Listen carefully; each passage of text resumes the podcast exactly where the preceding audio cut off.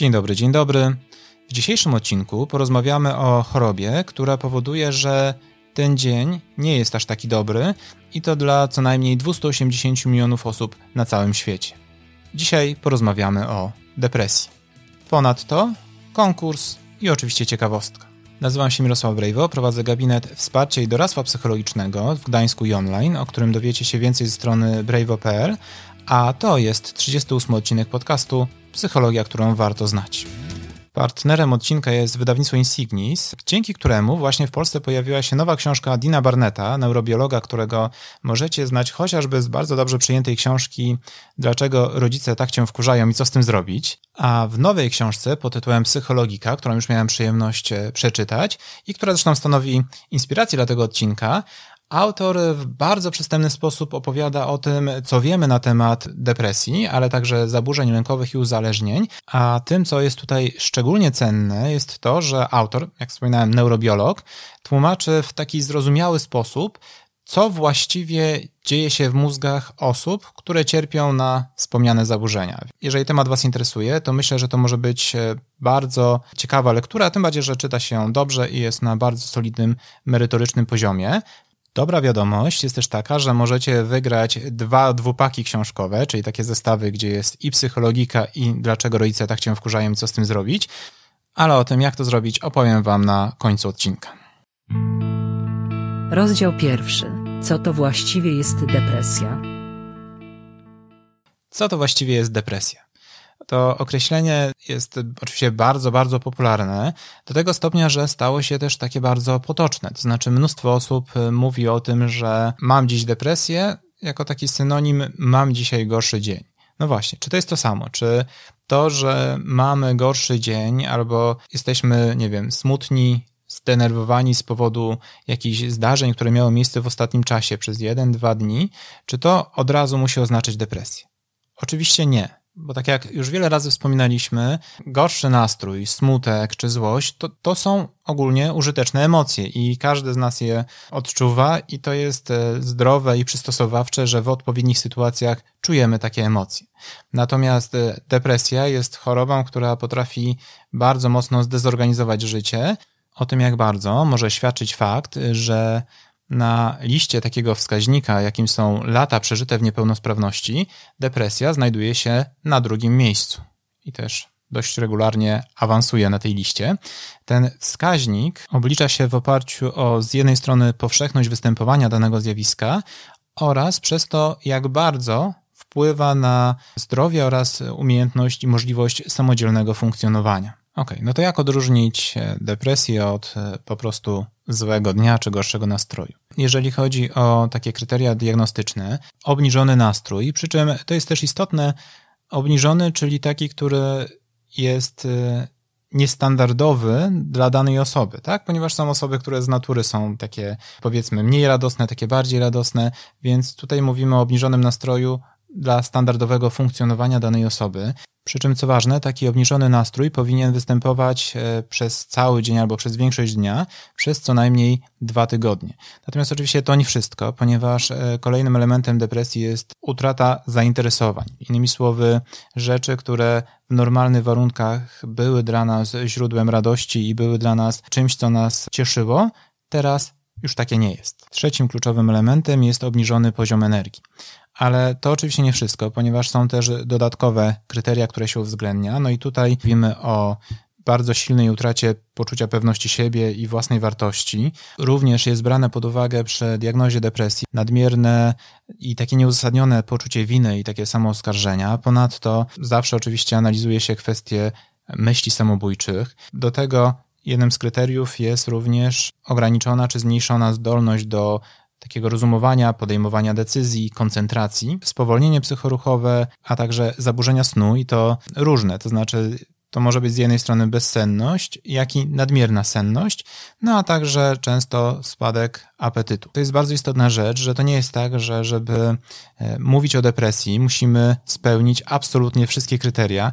Nie, jakby kluczowe są te, te trzy pierwsze, o które wymieniłem i też w zasadzie dwa są podstawą do tego, żeby mówić o depresji oraz część z tych dodatkowych e, objawów.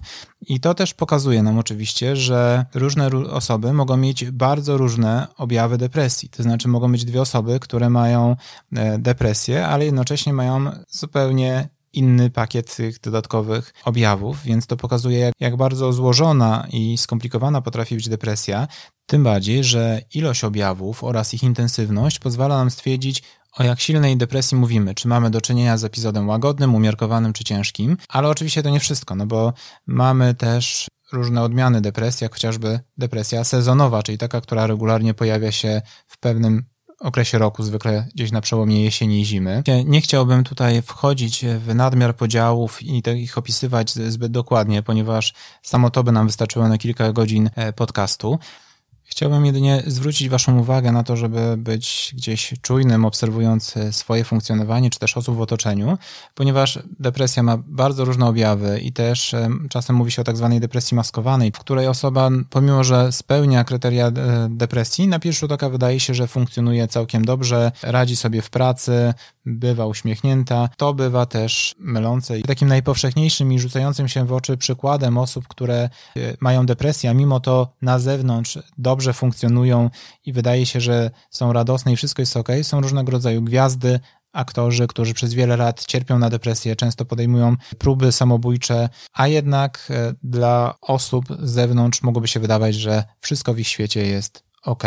Ale też patrząc na siebie, zwracajcie uwagę, że to, że jesteście w stanie funkcjonować e, w pracy i dajecie sobie jeszcze nieźle radę, to niekoniecznie musi oznaczać, że wszystko jest ok, więc jeżeli czujecie, że nie jest ok, no to warto o siebie zadbać, o tym jak, o tym trochę więcej w drugim rozdziale. Chciałbym jeszcze zwrócić Waszą uwagę na dystymię, która jest e, w ogóle często nieleczona, niediagnozowana, z tego względu, że trudniej ją zauważyć, ponieważ mówimy o niej wtedy, kiedy Podobne objawy jak w depresji występują przez co najmniej dwa lata, jednak są zdecydowanie mniej nasilone, więc przez to łatwiej jest, tak mówiąc kolokwialnie, ją przegapić pomimo że ma również bardzo duży wpływ na nasze funkcjonowanie. Jeśli chodzi o przyczyny depresji, tutaj mamy różne teorie, z których żadna nie jest do końca przekonująca i żadna nie jest taka w 100% e, zweryfikowana i wyjaśniająca wszystko, co nie zmienia faktu, że nadal są dla nas przydatne, bo wiecie, to jest trochę tak jak samochodem. Czy samochód to jest absolutnie najlepszy sposób, e, w jaki jesteśmy w stanie sobie wyobrazić przemieszczanie się? No zdecydowanie nie. Możemy sobie wyobrazić środek transportu, w którym nie będzie korków, który będzie e, jeszcze szybszy, jeszcze bezpieczniejszy, ale to nie zmienia faktu, że samochody bardzo ułatwiają wielu osobom funkcjonowanie na co dzień. I z teoriami w nauce jest często podobnie. Nawet jeżeli nie wyjaśniają one w 100% sytuacji, i tak się dzieje właśnie w przypadku depresji, to jednak to, co wyjaśniają, pozwala robić bardzo duże postępy i tworzyć coraz bardziej skuteczne metody leczenia. I przez długi czas jedną z takich bazowych teorii wydawała się teoria monoaminowa, sugerująca w bardzo dużym uproszczeniu, że źródłem depresji jest e, zaburzona praca neuroprzekaźników, takich jak chociażby serotonina czy dopamina. I właśnie ta teoria przez długi czas była bardzo użyteczna, do dzisiaj się do niej odnosi, jednak nie tłumaczy bardzo wielu sytuacji i ma sporo słabych punktów, dlatego też powoli się od niej odchodzi. Z kolei coraz większą uwagę w ostatnim czasie, nie tylko jeżeli chodzi o depresję, zwraca się na tak zwaną neuroplastyczność, czyli umiejętność naszego mózgu do dostosowywania się, adaptowania się do sytuacji, tworzenia nowych połączeń, modyfikowania i regenerowania tych, które powstały. I to jest e, fascynujący temat. No i założenie jest też takie, że w przypadku depresji depresji ta neuroplastyczność zostaje w pewnych obszarach ograniczona, przez co trudno radzić nam sobie z różnymi sytuacjami. Tu swoją drogą mam ciekawostkę. Ciekawostka. Santiago Ramon y Cajal, człowiek, którego moglibyśmy uznać za prekursora neurobiologii, który za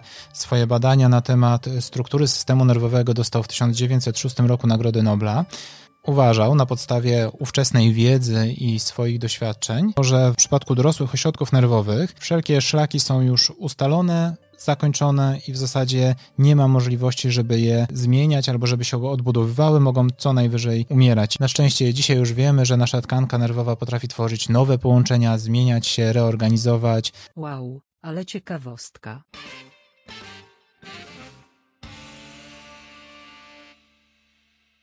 A kto jest szczególnie narażony na depresję? Tutaj rozstrzał jest bardzo duży. Są na przykład badania, które pokazują, że kobiety chorują na depresję dwukrotnie częściej niż mężczyźni. Wydaje się jednak, że ten wynik może być nieco zaburzony, chociażby przez to, że przez długi czas mężczyźni e, o wiele częściej niż kobiety mieli tendencję do tego, żeby unikać mówienia o swoich kłopotach i szukać takich oficjalnych rozwiązań, radzenia sobie z złym samopoczuciem psychicznym, w tym również depresją.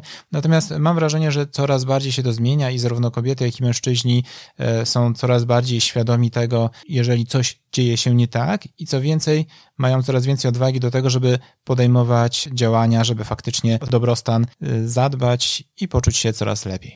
Pierwszy epizod depresyjny najczęściej pojawia się między 20 a 40 rokiem życia, aczkolwiek to również jest e, bardzo zmienne i też coraz częściej młodsze osoby zaczynają cierpieć na depresję. Na prawdopodobieństwo zachorowania z jednej strony mogą wpływać czynniki genetyczne, ale oczywiście również środowiskowe, różnego rodzaju długotrwałe przebywanie w bardzo trudnych warunkach, także zdarzenia traumatyczne. Niestety wystąpienie epizodów depresyjnych zwiększa prawdopodobieństwo wystąpienia kolejnego epizodu. Zwłaszcza jeżeli miało się już trzy epizody depresyjne, no to prawdopodobieństwo, że będzie kolejny jest e, całkiem spore. Co nie zmienia faktu, że można zadbać o to, żeby to prawdopodobieństwo zmniejszyć, a w momencie, kiedy on wystąpi, żeby w miarę dobrze sobie z nim poradzić. Rozdział drugi. Jak sobie z nią poradzić? A co zrobić w przypadku, kiedy podejrzewamy u siebie depresję? Czy można ją po prostu przeczekać? Obawiam się, że zdecydowanie jest to kiepski pomysł. To znaczy, w momencie, kiedy mamy po prostu gorszy dzień, zwłaszcza jeżeli trafiło nam się coś nieprzyjemnego, to jest duże prawdopodobieństwo, że jest to coś, co po prostu minie i jest naturalnym odczuwaniem emocji przez człowieka, któremu zależy na różnych rzeczach. Natomiast w momencie, kiedy faktycznie te objawy e, trwają dłużej niż dwa tygodnie, no to warto za tym, no właśnie, istnieje ryzyko, że jeżeli nie podejmiecie działań już wtedy, no to może się okazać, że kolejny epizod już będzie cięższy. Natomiast w przypadku umiarkowanej depresji, czy w ogóle cięższego epizodu, to już szczególnie wtedy warto natychmiast jak najszybciej starać się podejmować leczenie, ponieważ im szybciej się to leczenie podejmie, tym łatwiej będzie o dobre efekty. A według badań faktycznie skuteczność leczenia jest e, bardzo wysoka. Takie najpowszechniejsze sposoby działania to z jednej strony oczywiście farmakoterapia, a z drugiej psychoterapia. Oczywiście badania nad depresją cały czas trwają, podobnie e, cały czas szuka się nowych, lepszych sposobów radzenia sobie z depresją, co też powoduje, że miejmy nadzieję za kilka kolejnych lat będziemy mieli nowe pomysły, o których teraz jeszcze nie wiemy, albo te, które już są, będą jeszcze bardziej skuteczne i jeszcze szybciej będą działały. Natomiast na ten moment to, co powinniście wiedzieć w takim dużym skrócie, no bo jak być może zauważyliście, podejmuje się bardzo karkołomnego zadania opowiedzenia w 15-20 minut o czymś tak gigantycznym, że wystarczyłoby w zupełności na cały niezależny podcast. Natomiast na ten moment to, co powinniście wiedzieć, to po pierwsze, do kogo się udać, jeżeli chodzi o leczenie. Właściwie pytanie może brzmieć, co jest dla Was bardziej dostępne, ponieważ zwłaszcza w przypadku lekkiego epizodu depresyjnego można zacząć w zupełności po prostu od lekarza pierwszego kontaktu. Natomiast co do wyboru pomiędzy psychiatrą lub psychologiem czy psychoterapeutą, to nie musicie się obawiać tego, że wybierzecie jedną osobę i przez to już nie możecie skorzystać z drugiej, ponieważ zwykle te dwa podejścia, czyli takie farmakoterapeutyczne i takie psychoterapeutyczne, ze sobą współpracują. To znaczy, w momencie, kiedy psychiatra uzna, że farmakoterapia jest niewystarczająca, to niemal na pewno zasugeruje wam psychoterapię, ale z drugiej strony, jeżeli psycholog czy psychoterapeuta stwierdzi, że to nie wystarczy i potrzebne byłoby wsparcie farmakoterapeutyczne, no to zasugeruje wam, żebyście umówili się z psychiatrą. Pamiętajcie o tym, że psycholog czy psychoterapeuta nie wystawia recept na leki. To, to jest rola lekarza. Lekarzem jest na przykład właśnie psychiatra. Odnośnie samej farmakoterapii, pamiętajcie też, że to nie jest coś, czego należałoby się bać. To nie jest coś, co uniemożliwi wam funkcjonowanie. Musicie jednak też pamiętać, że zwykle na efekty trzeba chwilę poczekać, tak? To znaczy raczej nie działa to w ten sposób, że bierzecie lek i po chwili czujecie się już świetnie, tylko żeby ten efekt nastąpił i był zauważalny, no to zwykle na pierwsze efekty trzeba poczekać co najmniej dwa, a tak realnie cztery tygodnie, więc pamiętajcie o tym, że to, że po jednym czy dwóch dniach możecie mieć niewielkie efekty uboczne, a jednocześnie nie widzicie wielkiej poprawy, to nie oznacza z automatu, że te leki są dla Was niedobre i nie działają. Natomiast więcej informacji oczywiście uzyskacie u psychiatry. Jeżeli z kolei chodzi o wsparcie psychologiczne czy psychoterapeutyczne, tutaj warto bazować szczególnie na podejściu poznawczo-behawioralnym, które jest e, na ten moment najlepiej przebadaną formą działań. Pamiętajcie jednak, że tak jak Wam wspominałem, depresja ma mnóstwo różnych oblicz i to oznacza też, że różne sposoby działania mogą być optymalne w Waszym konkretnym przypadku, więc też pozwólcie, żeby specjaliści mogli zaplanować dla Was najlepszy sposób działania. Ponieważ może być tak, że że tylko jedna z tych rzeczy, czyli na przykład tylko e, wsparcie psychologiczne czy psychoterapeutyczne, albo tylko e, farmakoterapia będzie wystarczająca, ale możliwe, że do osiągnięcia optymalnego efektu najlepiej będzie e, zastosować połączenie jednego z drugim, tak żeby na przykład dzięki farmakoterapii móc osiągnąć nieco wyższy poziom energii i wyższy poziom i nieco poprawić swój nastrój, co z kolei da szansę na to, żeby popracować nad e, swoim funkcjonowaniem psychicznym, nad zrozumieniem różnego rodzaju mechanizmów i wypracowaniu narzędzi, które pozwolą skuteczniej radzić sobie w przyszłości.